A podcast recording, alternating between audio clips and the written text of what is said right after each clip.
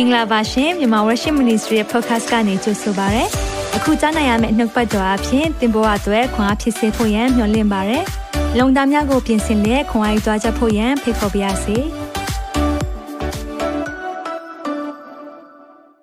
Good morning, good afternoon, good evening မှာနော်အားလုံးကို shalom လို့နှုတ်ဆက်ပါရယ်ခရစ်တော်ရဲ့မင်္ဂလာတရား၈ပါးအကြောင်းကိုပြောပြသွားမှာဖြစ်တယ်ဆိုတော့ဒီအရာလေးက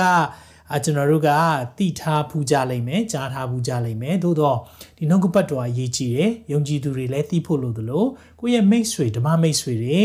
အာနင်တို့ခရစ်တော်ကဘာအကြောင်းဟောတာလဲလို့မေးတတ်တဲ့သူတွေရှိတယ်ဆိုရင်ဂျေစုပြုရဒီနှုတ်ပတ်တော်တွေကိုပေးပို့ပေးပါเนาะသူတို့ကိုဝင်မြပေးပါကိုကိုယ်တိုင်မဟောတတ်တဲ့ခါမှာဟောထားတဲ့သူတွေကိုရှိတဲ့အရာကိုဝင်မြပေးခြင်းအပြင်လည်း ဘုရားရဲ့နိုင်ငံတော်ထဲမှာပါဝင်လို့ရပါတယ်ဒါကိုရှေးဥစွာပြောချင်ပါတယ်ဒါကြောင့်အားလုံးပဲကြိုးဆိုရဲဆိုတော့ဒီနေ့နှုတ်ကပတ်တရားတော့ကျွန်တော်တို့အာသွားမယ်ခရစ်တော်ရဲ့မင်္ဂလာတရားတော်အာကျွန်တော်စိတ်မကောင်းစရာဖြစ်ပျက်လေးတစ်ခုပေါ့နော်အဲ့ဒါကဘာလဲဆိုရင်တော့ကျွန်တော်ရဲ့ငယ်တငယ်ချင်းတယောက်ပါပဲသူစင်ကာပူမှာလှုပ်လှုပ်တယ်လှုပ်လှုပ်တော့သူ့ကိုသူ့ရဲ့အလုပ်ထဲကတငယ်ချင်းယုံကြည်သူတယောက်က ခရစ်တော်အကြောင်းပြောပြရင်းနဲ့တမန်ကျမ်းစာအုပ်ကိုလက်ဆောင်ပေးလိုက်တယ်အဲ့ဒါနဲ့သူကအာနှစ်တည်ကြတယ်ဒါပေမဲ့သူဘလို့မှမဖတ်ဖြစ်ဘူးအလုပ်များတယ်အဲ့လိုဖြစ်တော့သူကတရက်မှကြာတော့ကျွန်တော်စီဆက်သွယ်လာတယ်သူတငယ်ချင်းကသူ့ကိုလက်ဆောင်ပေးတာဖြစ်တယ်တဲ့ဒါပေမဲ့သူ့ကိုပြန်ပေးဖို့အရင်အားနာလို့ယေရှုပြု၍နင်နင်မိတ်ဆွေတယောက်မြောက်များရှင်စီစဉ်ပေးလို့ရမလားတဲ့လာယူဖို့လို့ပြောလာတယ်အဲ့နဲ့ကျွန်တော်ကဘာကြောင့် ဘာကြောင့်လဲလို့ပြောတော့သူချိန်လဲယူဖြစ်ဘူးပေါ့နော်ဒီຢာအတွက်လည်းမစင်စားအားဘူးလို့ပြောတယ်အဲ့နဲ့ကျွန်တော်ကသူ့ကို challenge တစ်ခုလုပ်လိုက်တယ်ရှင်မသက်ခရစ်ဝင်ကျမ်းအခန်းကြီး9တခန်းပဲဖတ်ပေးပါလို့အဲ့ဒါဖတ်ပြီးတော့စိတ်ထဲမှာပေးပေးခြင်းနဲ့ပြန်ပြီးပေးခြင်းနဲ့ဆိုရင်တော့လေအဲကျွန်တော်စီစဉ်ပေးပါမယ်ဆိုအဲ့ဒါမှရှင်မသက်ခရစ်ဝင်ကျမ်းအခန်းကြီး9ကိုဖတ်ခိုင်းလိုက်တယ်အဲ့နဲ့သူရှာနိုင်မဲ့နေရာလေးပြောပြလိုက်တဲ့အခါမှာအစာပိုင်းလေးမှာရှိတယ်ဆိုပြောပြတာပေါ့နော်ဓမ္မသစ်ရဲ့ အဲ့နဲ့အိမ်နောက်ပိုင်းသူပြန်မဆက်သွယ်လာတော့เนาะဆိုတော့သူဖတ်ဖြစ်လားဖတ်ဖြစ်လားတော့မသိဘူးဒါပေမဲ့ယုံကြည်သူကျွန်တော်တို့ခရိယန်ရဲ့ယုံကြည်ခြင်းပေါ့နော်ဘာကိုယုံကြည်တာလဲခရစ်တော်ဘာသွန်သင်တာလဲဆိုတဲ့အရာကိုကျွန်တော်တို့သိကျင်နေဆိုရင်တော့ရှင်မသက်ခရစ်ဝင်ကျမ်းအခန်းကြီး9အခန်းကြီး6အခန်းကြီး9ဒီ၃ကျမ်းကိုတောင်ပေါ်သေးသနာလို့ခေါ်တယ်။ဒါကြောင့်ကျွန်တော်ဒီမှာတော့တောင်ပေါ်သေးသနာလို့ကျွန်တော်ကခေါင်းစဉ်မတက်တာဘာကြောင့်လဲဆိုတော့တောင်ပေါ်သေးသနာက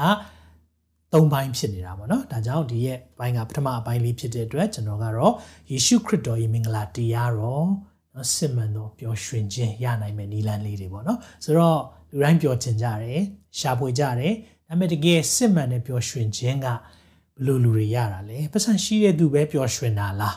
ဒါမှမဟုတ်ရင်စိတ်မသာညှိတွားတဲ့သူတွေရောအာငွေကြေးမပြည့်စုံတဲ့သူတွေရောပျော်ရွှင်ခြင်းကိုမရနိုင်ဘူးလား ခရစ်တော်ရဲ့တရားတော်ထဲမှာတော့ရနိုင်တယ်ဆိုတဲ့အကြောင်းကိုပြောပြထားတယ်။ဒါကြောင့်ဒီအရာကိုကျွန်တော်တို့အပိုင်း၈ပိုင်းလေ့လာတော့မှဖြစ်တယ်ဒီနေ့ကသင်ပထမအပိုင်းလေ့လာနေတာဖြစ်တယ်ဆိုတဲ့အရာကိုရှေးဥစွာပြောချင်ပါတယ်เนาะဒါကြောင့်ကျွန်တော်တို့အာနှုတ်ဘတ်တော်ကိုတွားရအောင်ယေရှုခရစ်ရဲ့မင်္ဂလာတရားတော်စစ်မှန်တဲ့ပျော်ရွှင်ခြင်းလူတိုင်းပျော်ရွှင်ခြင်းလိုချင်တယ်ပျော်ရွှင်ခြင်းရနိုင်မဲ့နီလန်းလေးရှစ်ခုကိုသခင်ယေရှုကပြောပြထားတယ်အာလူ လူအဆင့်တန်းပေါ့နော်အလွှာအသီးသီးပျော်ရွှင်နိုင်မဲ့နီလန်းလေးတွေလည်းဖြစ်တယ်ဒါကြောင့်မလို့ဒီအရာကိုကျွန်တော်တို့သူပဲလေ့လာသွားကြရအောင်လို့เนาะဆိုတော့ကျွန်တော်တို့ဝန်ခံနေကြနှုတ်ပတ်တော်လဲဝန်ခံရအောင်เนาะ116ခုမြောက်သောစာလံအပိုင်ငယ်82ကိုအရင်ဆုံးဝန်ခံရအောင်နှုတ်တော်ထွက်တရားတော်သည်ရွှေငွေအထောင်တောင်းထက်မကအကျွန်ုပ်၌သာ၍ကောင်းပါ၏ဝန်ခံပါအောင်တစ်ခေါက်လောက်နှုတ်တော်ထွက်တရားတော်သည်ရွှေငွေအထောင်တောင်းထက်မကအကျွန်ုပ်၌သာ၍ကောင်းပါ၏ ဒီနေ့ဖခင်ရဲ့နှုတ်တော်ထွက်စကားဟာရွှေငွေအများကြီးထက်တန်ဖိုးရှိတယ်ဆိုတာဘယ်လိုသိနိုင်လဲတန်ဖိုးပေးတဲ့သူပဲသိတယ်။ဒါကြောင့်မလို့ဒီနှုတ်ပတ်တော်ဟာတန်ဖိုးရှိမရှိဆိုတာသင်နဲ့ဆိုင်တယ်။သင်ဒီရဲ့နှုတ်ပတ်တော်ဘယ်လောက်တန်ဖိုးထားသလဲသင်ပုံမှာမူတည်တယ်။ဒါကြောင့်ဖြစ်နိုင်မယ်ဆိုရင်မှတ်စုလေးမှတ်ပေးပါ။ဖြစ်နိုင်မယ်ဆိုရင်တမန်ကျမ်းစာလေ့လာတာဖြစ်တဲ့အတွက်ကြောင့်မလို့ယေရှုဖြစ်ရေပေါ့နော်ဒီအရာလေးတွေ100% undivided attention ပေါ့နော်တခြားဟာလှုပ်ရင်းနဲ့ တခုခုလှုပ်ရင်းနဲ့ကြည်တာမျိုးထက်သင်ကိုယ်တိုင်သေးချလေးနားထောင်ပြီးတော့ကြည်စေချင်ပါတယ်လို့เนาะဒီနေ့နှုတ်ပတ်တော်ကောင်းစဉ်ကတော့စိတ်နှလုံးနှိမ်ချတော်သူစိတ်နှလုံးနှိမ်ချတော်သူဆိုတော့ကျွန်တော်နှိမ်ချတဲ့သူဆိုလူတွေကကြိုက်တယ်เนาะဒါတော့ဘယ်မှမဆိုပါနှိမ်နှိမ်ချချလေးနေတတ်တဲ့သူတွေကိုလူတွေကကြိုက်တယ် ဒါပေမဲ့ကျွန်တော်တို့နှိမ့်ချတယ်လို့တခါလေထင်တဲ့သူတွေကတကယ်တော့နှိမ့်ချတာမဟုတ်ဘဲနဲ့ဟိုလူရှိမှဟန်ဆောင်တာမျိုးရှိတဲ့သူတွေအများကြီးလည်းရှိတတ်တယ်နော် ဒါကြောင့်ဒီနေ့စိတ်နှလုံးနှိမ့်ချတယ်ဆိုတာဘာကိုဆိုလိုတာလဲနော်တခါလေမှလူရှိမှရဲဝံ့ပြောတဲ့သူတယောက်ယောက်ပေါ့နော်အဲပြောရေးဆိုရဲတဲ့သူဆိုရင်ဒီတယောက်နှိမ်ချဖို့လိုတယ်အဲ့လိုမျိုးပြောတာပေါ့နော်ဘာလို့လဲဆိုကျွန်တော်တို့ကအဲ့လိုရေးရေးဝုံဝုံပြောရဲတဲ့သူတွေဆိုရင်မနှိမ်ချဘူးလို့တွဲပြီးတော့မြင်တတ်တာမျိုးအမြင်မှားတာလည်းရှိတတ်တယ်အဲကြောင့်ဒီနေ့သခင်ယေရှုပြောခြင်းနဲ့စိတ်လုံးနှိမ်ချတဲ့သူဟာ ဘယ်သူဘယ်လိုလိုဘယ်လိုမျိုးလူလဲပေါ့နော်ဘယ်လိုဘယ်သူတွေဖြစ်တယ်လဲဒါကိုကျွန်တော်တို့လေ့လာရအောင်အဲကြောင့်ကျွန်တော်အဖွင့်နှုတ်ကပတ်တော်ဖတ်ချင်ပါတယ်ရှင်မသက်ခရစ်ဝင်ကျမ်းအခန်းကြီး9အငယ်1ကနေ3ဖတ်ချင်ပါတယ်ဒီအကြောင်းအရာကိုလူက6ထဲမှာလည်းတွေ့ရတယ်ဒါပေမဲ့မသင်9ထဲမှာပုံမဆုံလင်တာဖြစ်တဲ့အတွက်မသင်9ထဲကပဲဖတ်သွားပါမယ်ထိုလူပေါင်းတို့ကိုမြင်လင်ကိုရော်သည်တောင်ပေါ်သို့တက်၍ထိုင်တော်မူသောအခါတပည့်တော်တို့သည်ကိုရော်ရင်းတို့ချင်ကပ်ကြ၏ ဆိုတော့တောင်ပေါ်တက်ပြီးတော့ဒီတရားကိုဟောတာဖြစ်တဲ့အတွက်ကျွန်တော်တို့ကတောင်ပေါ်သီသနာလို့ကျွန်တော်တို့ကအကြမ်းမြင်နားလည်ထားကြတယ်เนาะခရစ်တော်ရဲ့တောင်ပေါ်သီသနာလို့ပြောလိုက်တိုင်းဒီရဲ့မသင်9 6ခွန်ကိုနားလည်ဖို့ဖြစ်တယ်ဆိုတော့ထိုအခါနှုတ်တော်ကိုဖွင့်၍တပည့်တော်တို့ကဆုံးမဩရာပေးတော်မူသည်မှာအဲ့ဒီမှာစပြီးတော့တောင်ပေါ်ဒေသနာရဲ့အဖွင့်မှာပြောတဲ့အရာလေး စိတ်နှလုံးနှိမ်ချတော်သူတို့သည်မင်္ဂလာရှိကြ၏เนาะမင်္ဂလာရှိတယ်အဲ့ဒီစကလုံးလေးမှတ်ထားပါအကြောင်းမူကားကောင်းကင်နိုင်ငံတော်သည်ထိုသူတို့၏နိုင်ငံဖြစ်၏เนาะဒါကိုကျွန်တော်ဒီနေ့မှာအာနဲ့ဒိတ်ပဲဖွင့်ရင်းနဲ့ဝေမျှသွားခြင်းတယ်စိတ်နှလုံးနှိမ်ချတဲ့သူဟာမင်္ဂလာရှိတယ်ပြောပါဦးစိတ်နှလုံးနှိမ်ချတဲ့သူဟာမင်္ဂလာရှိတယ်ဆိုတော့ကျွန်တော်တို့ဒီ တိထားတဲ့အချက်လေး၃ခုအရင်ဆုံးပြောပြမယ်ပေါ့နော်ဒီတောင်ပေါ်ဒေသနာလို့ကျွန်တော်ခေါင်းစဉ်ဘာကြောင့်မတက်လဲဆိုတော့ be attitude လို့ပြောတဲ့အရာနောက်အခုကျွန်တော်တို့အင်္ဂလိပ်လို be attitude မင်္ဂလာမင်္ဂလာတရားတော်မင်္ဂလာစကားအဲ့ဒါက Latin စကားကနေလာတာဖြစ်တယ်နော် BTS BTS BTS ကနေလာတော့ happy ဒါမှမဟုတ် bless နော် Latin စကားနဲ့အဲပျော်ရွှင်ခြင်းဒါမှမဟုတ်ရင်ကောင်းကြီးမင်္ဂလာဆိုတဲ့အဓိပ္ပာယ်ဖြစ်တယ် ဆိုတော့တောင်ပေါ်ဒေသနာရဲ့အပိုင်းတစ်ခုပဲဖြစ်တယ်เนาะတောင်ပေါ်ဒေသနာကမသက်9 6ခွန်3ခုလုံးကိုတောင်ပေါ်ဒေသနာလို့အာကျွန်တော်တို့နားလည်ဖို့ဖြစ်တယ်ဒီနေ့ပြောမယ့်အကြောင်းအရာတွေနဲ့ဒီလေ့လာတဲ့ဟာတွေကပြည့်ညက်ချက်ဆိုတော့ like ကို like နာရမယ့်အရာမဟုတ်ပဲねဖခင်ကသူ့နိုင်ငံတော်မှာရှိတဲ့သူတွေလှုပ်ဆောင်နေတဲ့သူတွေရပိုင်ခွင့်เนาะနိုင်ငံသားတယောက်ရဲ့အခွင့်အရေးကိုပုံဖော်တာဖြစ်တယ်ဆိုတော့နားလည်ဖို့လိုတယ်အကြောင်းဒီနေ့ကျွန်တော်တို့ဖခင်ရဲ့နိုင်ငံတော်တီလို့နီးပြီဆိုတဲ့အရာနဲ့သခင်ကကျွန်တော်တို့ကိုဟောပြောတတ်သိခံတယ် ဆိုတော့ဒီအရာလေးကိုကျွန်တော်ဒီနေ့မှာတခြားပေါ့နော်တမန်ကျမ်းစာတွေကပါတဲ့ပုံဥပမာလေးတခုသခင်ယေရှုနဲ့ဖြစ်ပျက်ခဲ့တဲ့အရာလေးတခုနဲ့ရှင်ပြီးတော့ကျွန်တော်ဝေမျှသွားခြင်းတယ်။ဒါကြောင့်ရှင်လုကာခရစ်ဝင်ကျမ်းအခန်းကြီးခွန်ကိုယေရှုပြည့်သွားရအောင်နော်။ရှင်လုကာခရစ်ဝင်ကျမ်းအခန်းကြီးခွန် ဆိုတော့ဒီရှင်လုကာခရစ်ဝင်ကျမ်းအခန်းကြီးခွန်ရဲ့အကြောင်းအရာလေးကိုကျွန်တော်အရင်ဖတ်သွားမယ်ဆိုတော့စိတ်နှိမ်ချတဲ့သူတယောက်ကဘလို့စိတ်ထားရှိလဲစိတ်နေမြင့်တယ်เนาะဒါမှမဟုတ်မာနကြီးတယ်ပေါ့เนาะသူ့ရဲ့စိတ်နေမြင့်တဲ့သူကဘလို့ရှိလဲเนาะဒီထဲမှာကျွန်တော်မြင်စေချင်တယ်တယောက်ကစိတ်နေမြင့်တဲ့တယောက်ဖြစ်နေတယ်တယောက်ကစိတ်နှလုံးနှိမ်ချတဲ့တယောက်ဖြစ်နေတယ်ဆိုတော့ကျွန်တော်တို့ဒီရဲ့ဇက်လန်လေးကိုဖတ်ကြည့်တဲ့အခါမှာဂျေစုပြည့်နော် အာယုံလေးစိုက်ပေးပါဘယ်တယောက်ကစိတ်နေမြင့်တဲ့တယောက်လဲဘယ်နှစ်တယောက်ကစိတ်နှိမ်ချတဲ့တယောက်လဲဆိုတာမိတ်ဆွေဂျေစုပြည့်၍အာဒါလေးကိုအာလေ့လာပေးပါလို့ဆိုတော့မဿဲရှင်ရှင်လုကာခရစ်ဝင်ကျမ်းအခန်းကြီး9ပေါ့နော်ခုနကျွန်တော်မဿဲ9ဖတ်ပြီးပြီးလုကာ9ရဲ့အကြောင်းအရာနဲ့ကျွန်တော်ချိတ်ဆက်ပြီးတော့ရှင်းပြသွားမယ်အငယ်36ကနေအဆုံးထိဖတ်ချင်ပါတယ်ဖာရိရှဲတယောက်သည်အစာကိုသုံးဆောင်တော်မူစေခြင်းကကိုရော့ကိုခေါ်ပင့်လင်ထိုဖာရိရှဲအိမ်သို့ကြွ၍ စပွဲ၌လျှောင်းတော်မူ၏ထိုသောစပွဲ၌လျှောင်းတော်မူသည်ကိုထိုမြို့၌သိုးသောမိန်းမပြောကြည့်ပါသိုးသောမိန်းမเนาะဒါကို prostitute ပြည်တစားလို့ပြောတယ်เนาะဆိုတော့ဒီမျိုးသမီးဟာကျင့်စာရိတ္တမကောင်းဘူးလို့သိထားကြတဲ့မျိုးသမီးဖြစ်နေတယ်သိုးသောမိန်းမတယောက်သည်သိလင်စီမွေးကြောက်ဖြူခွက်တစ်လုံးကိုယူခဲ့၍ခြေတော်၌အနောက်တော်၌ခြေတော်အနီးမှရက်လျက်ငိုကြွေး၍ခြေတော်ပေါ်သို့ မျက်ရည်ကျလျက်မိမိစပင်နဲ့တုပ်လေ၏ခြေတော်ကိုလည်းနမ်း၍စီမွေးနဲ့လိမ့်လျက်နေလေ၏ဆိုတော့ဒီအမျိုးသမီးရဲ့နာမည်မပြောထားဘူးတော်တော်များများထင်တာကတော့မာဂဒလမာရီဖြစ်မလားလို့ထင်တယ်မဟုတ်ပါဘူးเนาะနောက်အာဘေသနိကမြို့ကမာရိများဖြစ်မလားလို့လည်းထင်တယ်အဲ့တယောက်လည်းမဟုတ်ပါဘူးဒီဖြစ်ပြတကယ်တော့သခင်ယေရှုအသေးမခံခင် တစ်နှစ်လောက်မှာဖြစ်တဲ့အဖြစ်ပြဲလို့လေ့လာမိတယ်ဒါကြောင့်မလို့ မာဂဒလမာရီလည်းမဟုတ်ပဲနဲ့တခြားတခြားသောမာရီလည်းမဟုတ်ဘူးတခြားအမျိုးသမီးတယောက်ဖြစ်တယ်ဆိုတာကိုလည်းနားလည်ဖို့ဖြစ်ပါတယ်နော်ဆက်ပြီးတော့ကြည့်ရအောင်အငယ်39မှာကိုရောကိုခေါ်ပင့်သောဖာရီရှဲတည်တဲ့နော်ဆိုတော့အဲ့တယောက်ကအိမ်ကိုဖိတ်တဲ့ဖာရီရှဲဖြစ်တယ်။ဘာကြောင့်ဖိတ်တယ်လဲတော့ကျွန်တော်မသိဘူးဆက်ပြီးတော့လေ့လာရအောင်။ဖာရီရှဲသည်မြင်လေတော့ဤသူသည် prophet မှန်လျင်ခြေတော်ကိုကင်သောဤမိမ့်မသည်အဘယ်သို့သောသူဖြစ်သည်ကိုသိလိမ့်မည်။ဤမိမ့်မသည်စိုးသောသူဖြစ်ဖြစ်ဤဟုထင်မှတ် ထင်မှတ်၏တဲ့။ဆိုတော့ तू ကနှလုံးသားထဲကနေပြောလိုက်တာ။နော် तू စိတ်ထဲကနေပဲပြောလိုက်တဲ့အရာ။ဆိုတော့ထုတ်ပြောတာမဟုတ်ဘူးသခင်ယေရှုက prophet မှန်တယ်ဆိုရင်ဒီမိမဘသူဘလို့လူမျိုးလဲဆိုတာကိုသိကိုသိရမယ်ဆိုပြီးသူ့စိတ်ထဲကနေ judgment ပေါ့နော်စီရင်ချက်တခုလုပ်နေတာယေရှုကလည်းဒီမှာယေရှုကဖျားလေသိတာပေါ့စိတ်ထဲမှာကျွန်တော်တို့နှလုံးကိုမြင်တဲ့ဖျားဖြစ်တယ်ပြောကြည့်ပါဦး ကျွန်တော်ရဲ့နှလုံးကိုမြင်တော်သူဖြစ်တယ်ဟာလေလုယာကျွန်တော်နှလုံးသားကိုသိတဲ့ဖျားကသိတဲ့ခါမှာသူကပြောပြီးအချင်းရှိမောင်ဒါပေမဲ့လေသခင်ယေရှုကအဲကျွန်တော်တို့နဲ့ကြွာတာလေးတစ်ခုပေါ့နော်သူပြင်ကျွန်တော်နဲ့ကြွာတာလေးတစ်ခုကပါလဲဆိုတော့ तू ကတခုခုလိုအပ်ချက်ရှိတဲ့အရာကိုတဲ့မပြောဘဲနဲ့ तू ကပုံဥပမာလေးနဲ့နားလည်လွယ်အောင်အများနဲ့ပြောလို့ရှိတယ်။နောက်တစ်ခါလေးလေး तू တဲ့ပြောတဲ့အချိန်ရှိပေမဲ့များသောအားဖြင့်တော့ तू ကနားလည်စေခြင်းနဲ့စိတ်နဲ့လူတွေကိုဆက်ဆံတယ်။ ဆိုတော့เนาะကျွန်တော်တစ်ခါလေးမှာเนาะရုပ်တရက်ကြီးတဲ့ပြောလိုက်ရင်လူတွေကလက်မခံနိုင်ဘူးလေ။ဘာကြောင့်လဲဆိုတော့ဒီမှာလဲသခင်ကတဲ့မပြောဘဲနဲ့အာသူ့ကိုဘာနားလေစေခြင်းတဲ့သဘောနဲ့ပြောတယ်အဲ့မှာပြောတယ်ရှီမုန်နော်သူ့ရဲ့နာမည်ဆိုတော့ဖာရီရှဲရဲ့နာမည်ဟာရှီမုန်ဖြစ်တယ်ဆိုတာလည်းဒီမှာတွေ့ရတယ်သင်အားငါပြောစရာတခုရှိသည်ကိုမိန်တော်မူလေအရှင်ဖျားအမိန်ရှိတော်မူပါဟုလျှောက်တော့ယေရှုကဥစ္စာရှင်တယောက်၌ကျွေးစားနှစ်ယောက်ရှိဆို ဒီလူမှာအကျွေးတင်တဲ့လူနှစ်ယောက်ရှိနေတယ်တယောက်ကဒင်နာရီအပြား900တယောက်က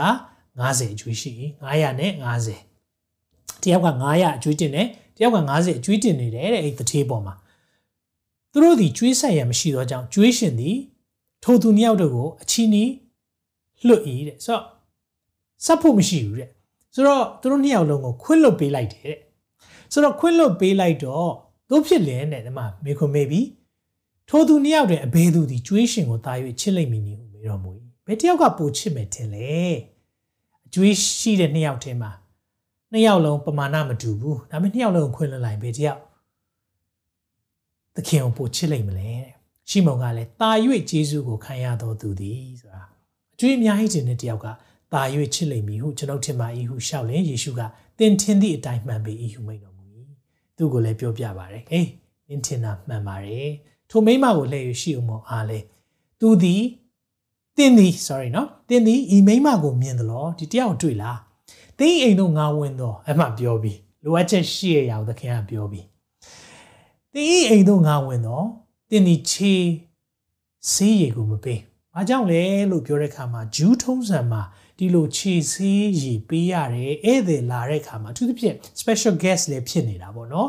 ဆိုတော့ဒီလိုမျိုး prophet တယောက်အိမ်လာတဲ့အခါမှာ နော်ရိုးရိုးဧည့်သည်လာရင်တော့ခြေဆေးကြီးပေးရတယ်ရှိမောကမပေးဘူးတဲ့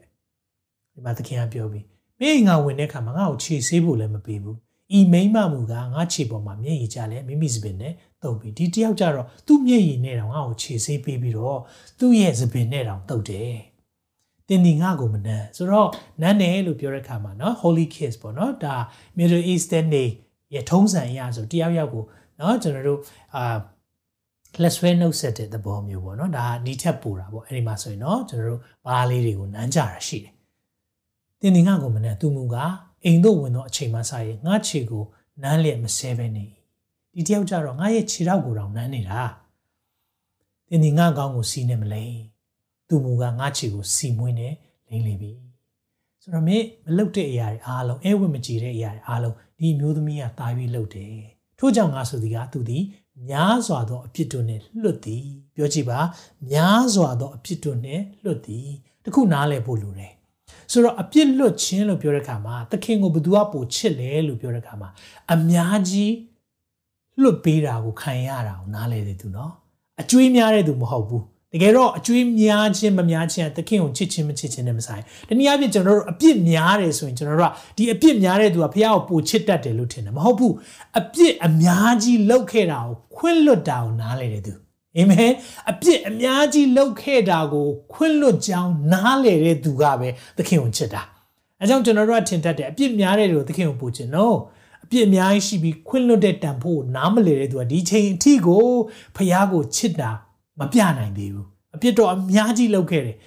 ဒါပေမဲ့ဒီချိန်ထိဖះကိုချစ်ကြောင်းလည်းမပြနိုင်သေးဒါကြောင့်များစွာသောအပြစ်တို့ကိုလွတ်သည်ဖြစ်၍တဲ့เนาะဆိုတော့များစွာတဲ့အပြစ်ကိုလွတ်တာကိုသိတဲ့တရားအလွန်ချစ်တတ်၏အနှဲငယ်သောအပြစ်လွတ်တော်သူသည်အနှဲငယ်များသာချစ်တတ်သည်ဟုမိန့်တော်မူ၏တဲ့အဲ့ဒီမှာဒီအမျိုးသမီးကိုပြောလိုက်တယ်ထုံမိမအားလည်းသင်သည်အပြစ်တို့နဲ့လွတ်လေပြီဟုမိန့်တော်မူ၏မင်းရဲ့အပြစ်တွေလွတ်ပြီနော်သခင်စီမှာနောင်တနဲ့ချင်းကပ်လာတဲ့သူ မျက်ရည်တွေနဲ့ချင်းကပ်လာတဲ့သူသခင်ကအပြစ်လွတ်တယ်လို့ပြောလိုက်တဲ့အခါမှာ49မှာဇပွဲ၌လျှောင်းသောသူတို့ကအပြစ်ကိုလွတ်တော်ဤသူကဘာကြောင့်ဒီလိုအပြစ်လွတ်တဲ့လူကဘာလို့အဲ့လိုပြောတာလဲ။ तू ကဘာကြောင့်အပြစ်လွတ်ပိုင်ခွင့်ရှိတာ။သခင်က तू ဖျားဖြစ်တယ်ဆိုတာဒီလိုနှုတ်ပတ်တော်တွေမှာပြောတယ်။နော်ဒါကြောင့်မလို့တစ်ခါလေမှာဘာသာနော်ဘာသာချာအာကျွန်တော်မိတ်ဆွေတွေတချို့ကျွန်တော်မေးခွန်းမေးတဲ့အရာရှိတယ်။ယေရှုကသူ့ကိုယ်သူဖျားလို့ပြောလာတယ်။ပြောပါတယ်ဒီနေရာမှာလည်းပြောထားပါတယ်။ နော်အပြစ်လွတ်ပေးနိုင်ခွင့်ရှိတဲ့သူသည်ဖျားဖြစ်တယ်။ဒါကြောင့် तू ကအပြစ်လွတ်တယ်လို့ပြောတဲ့အရာဒီတနေရာမှာပဲမဟုတ်ပါဘူးเนาะတခြားမှာလည်းရှိတယ်။ဒါကြောင့်အပြစ်လွတ်ပိုင်ခွင့်ရှိသောသူသားလည်းဖျားဖြစ်တယ်เนาะ။ဒါကိုဖျားဖြစ်ကြောင်းသူပြောတယ်။ယေရှုသည်ထိုမိမသင်ဤယုံကြည်ခြင်းသည်เนาะဒီမှာပြောပြီးသင်ကိုကယ်တင်ပြီးငြိမ်ဝတ်စွာသွားလို့ဟုမိန်တော်မူ၏။ဆိုတော့ဒီရဲ့ဇလန်လေးမှာဗာတွေ့ရတယ်ဆိုတော့ဖာရီရှဲရှိမုန်နဲ့ပြည်ဇာမနှစ်ယောက်တွေ့ရတဲ့အချက်လေးကိုတွေ့ရတာပေါ့နော် ဆိုတော့သူတို့နှစ်ယောက်ရင်ဆိုင်ရပြီဆိုတော့ခုနကျွန်တော်ဒီရဲ့အစပိုင်းမှာပြောတဲ့အရာလေးမှတ်မိလားမသိဘူးเนาะဘယ်တယောက်ကစိတ်နေမြင့်တဲ့တယောက်လဲဘယ်တယောက်ကနှိမ်ချတဲ့တယောက်လဲကျွန်တော်သိပါတယ်เนาะစိတ်နေမြင့်နဲ့မာနကြီးတဲ့တယောက်ကဘာသာရေးသမားဖာရီရှဲရှိမုံဖြစ်နေပြီးတော့စိတ်နှိမ်စိတ်နှလုံးနှိမ်ချတဲ့တယောက်ကဘာသူဖြစ်နေလဲဆိုတော့အခုလာပြီးတော့အပြစ်များပေမဲ့သခင်စီမှာတိုးဝင်ချင်းကပ်ပြီးတော့အပြစ်ခွင့်လွှတ်ခြင်းရသွားတယ်ပြည်စားမှာဖြစ်နေတယ်အ ကျင့်ကောင်းလားမကောင်းဒါပေမဲ့သခင်ခွင့်လွှတ်လားနောင်တရရင်ခွင့်လွှတ်တယ်အာမင်အကြောင်းမိတ်ဆွေဒီနေ့ကျွန်တော်တို့ကနှိမ်ချခြင်းမနှိမ်ချခြင်းဆိုတာကိုကျွန်တော်တို့ကဘယ်လိုခွဲမလဲဒါကြောင့်ကျွန်တော်အချက်၃ချက်နဲ့ဒီနေ့မှာခွန်အားပေးခြင်းတယ်ဆိုတော့ကျွန်တော်နှိမ်ချတာကိုသိပြီစိတ်နေမြင့်တဲ့တရားကိုလည်းသိတယ်မာနကြီးတဲ့တရားကိုလည်းကျွန်တော်သိပြီမာနကြီးတယ်ဆိုတဲ့အရာစိတ်နှိမ်ချတယ်ဆိုတဲ့အရာဒါကြောင့်ကျွန်တော်ဒီနေ့မှာအချက်၃ချက်ရဲ့ပထမတစ်ချက်ကပါလဲဆိုတော့ နှိမ်ချတယ်ဆိုတာနှိမ်ချခြင်းဆိုတာနှလုံးသားနဲ့ဆိုင်သောအရာဖြစ်တယ်ပြောကြည့်ပါနှိမ်ချခြင်းဆိုတာနှလုံးသားနဲ့ဆိုင်သောအရာဆိုတော့နှလုံးသားနဲ့ဆိုင်တယ်ဘာကိုပြောချင်တာအပြင်နဲ့မဆိုင်ဘူးကျွန်တော်တို့ဖြစ်ပြနေတဲ့အပြင်သဘောနဲ့မဆိုင်ဘူးဆိုတာအရင်ဆုံးနားလည်ဖို့လိုတယ်။ဘာကြောင့်လဲလို့ပြောတဲ့အခါမှာကျွန်တော်တို့နှိမ်ချခြင်းမနှိမ်ချခြင်းလူတွေကဘလို့ဆုံးဖြတ်လေးရှိလဲဆိုရင်တော့အပြစ်မှန်းပဲကြည်တာ နော်ဒီတယောက်ကအဲကြည်ပါအောင်စကားလည်းမပြောဘူးအေးအေးလေးနော်လာတယ်ဖះเจ้าမှာဟုံးစင်းမှာလာရင်လည်းစကားလေးတောင်မပြောဘူးဒါပေမဲ့နှိမ်ချတယ်လို့ကျွန်တော်တို့ကသတ်မှတ်လိုက်တယ်တကယ်တော့အဲ့တယောက်ကဖះเจ้าမှာပဲအေးတာဟုံးစင်းမှာပဲအေးတာယုံကြည်သူတွေနဲ့တွေ့တဲ့ချိန်ပဲအေးတာပြီးကြရင် तू ကအပြင်မှာအရန်ဆိုးတတ်တယ်ဘာလို့လဲဆိုတော့ကျွန်တော်အဲ့လိုမျိုးလူတွေတွေ့ဘူးလို့ဖြစ်တယ်အာသူတို့လာပြီဆိုရင်လည်းဖះကိုချစ်လိုက်တာမှပြတာပေါ့နော်အပြင်ပန်းနေတယ်ဒါပေမဲ့ကာရာအိုကေဆိုလိုက်ချီးမွမ်းလိုက် လုံနေတာကာရာအိုကေမှာလည်းသွားပြီးတော့သူကနော်ဆိုလိုက်ဖះစီမှာလာရင်လည်းချီးမွမ်းလိုက်ဆိုတော့ဒါတွေကအပြင်ပန်းနဲ့ကြည်တယ်သူအတွက်ကြတော့လူသားတွေကကြတော့ဘယ်လိုမြင်လဲဆိုတော့ဒီတယောက်ရနှိမ်ချတာပဲလို့မြင်တယ်ဖះမြင်မှာလို့မြင်ဘယ်လိုမြင်လဲဖះကျွန်တော်တို့ရဲ့နှလုံးကိုကြည်တယ်ကျွန်တော်တို့ရဲ့စိတ်နှလုံးကိုကြည်တယ်ဆိုတဲ့အရာဒါလေးကိုကျွန်တော်တို့သိဖို့လိုတယ်နော်အကြောင်းကျွန်တော်တို့စိတ်နှလုံးသားအတွင်းအကြောင်းနှိမ်ချတယ်ဆိုတာအပြင်ပန်းလုံးဝမဟုတ်ပါဘူး ပြန်ပြောမယ်နော်နှိမ်ချရဲဆိုအပြင်ပန်းလုံးဝမဟုတ်ဘူးအပြင်မှာကုတ်ကုတ်လေးနေတယ်စကားမပြောဘူးနော်ကျွန်တော် meeting တွေမှာရံမဖြစ်တတ်တဲ့တယောက်ဆိုအဲ့ဒီတယောက်နှိမ်ချတယ်လို့မြင်တယ်မဟုတ်ဘူးမိတ်ဆွေမှားနေပြီဒီနေ့နှိမ်ချခြင်းဆိုတာနှလုံးသားနဲ့ဆိုင်တယ်တခါလေမှာသူတို့ကစကားသာမပြောတာစိတ်နှလုံးသားထဲမှာအယံကိုနော်စိတ်နေမြင့်နေသူဖြစ်နေတတ်တယ်နော်ဒါကြောင့်ဘာသာရေးသမားလည်းဖြစ်နေတတ်တယ်အဲကြောင့်မိတ်ဆွေတင်းကိုဒီနေ့နားလဲစေချင်တယ်နှိမ်ချတယ်မနှိမ်ချဘူးဆိုတာသူတို့ရဲ့ပြောတဲ့စကားနဲ့မကြည့်ပါနဲ့ သူတို့ရဲ့နှလုံးသားသူတို့ရဲ့အသက်ရှင်ပုံနဲ့ကြည့်ဖို့လိုတယ်အာမင်အဲကြောင့်နှုတ်ချိုနှလုံးခါတတိထားလို့ဒီနေ့ပြောချင်ပါတယ်ဒါကြောင့်ဝန်ခံပေးပါအောင်เนาะ comment ထဲမှာရေးရေးထားပေးပါနှုတ်ချိုနှလုံးခါတတိထားเนาะနှုတ်တော့ချိုတယ် နှလုံးအရန်ခါနေတယ်အထက်ကပုတ်တာဒါပေမဲ့သူကနှုတ်ကတော့အရန်ချိုတယ်ဟန်ဆောင်ကောင်းတာ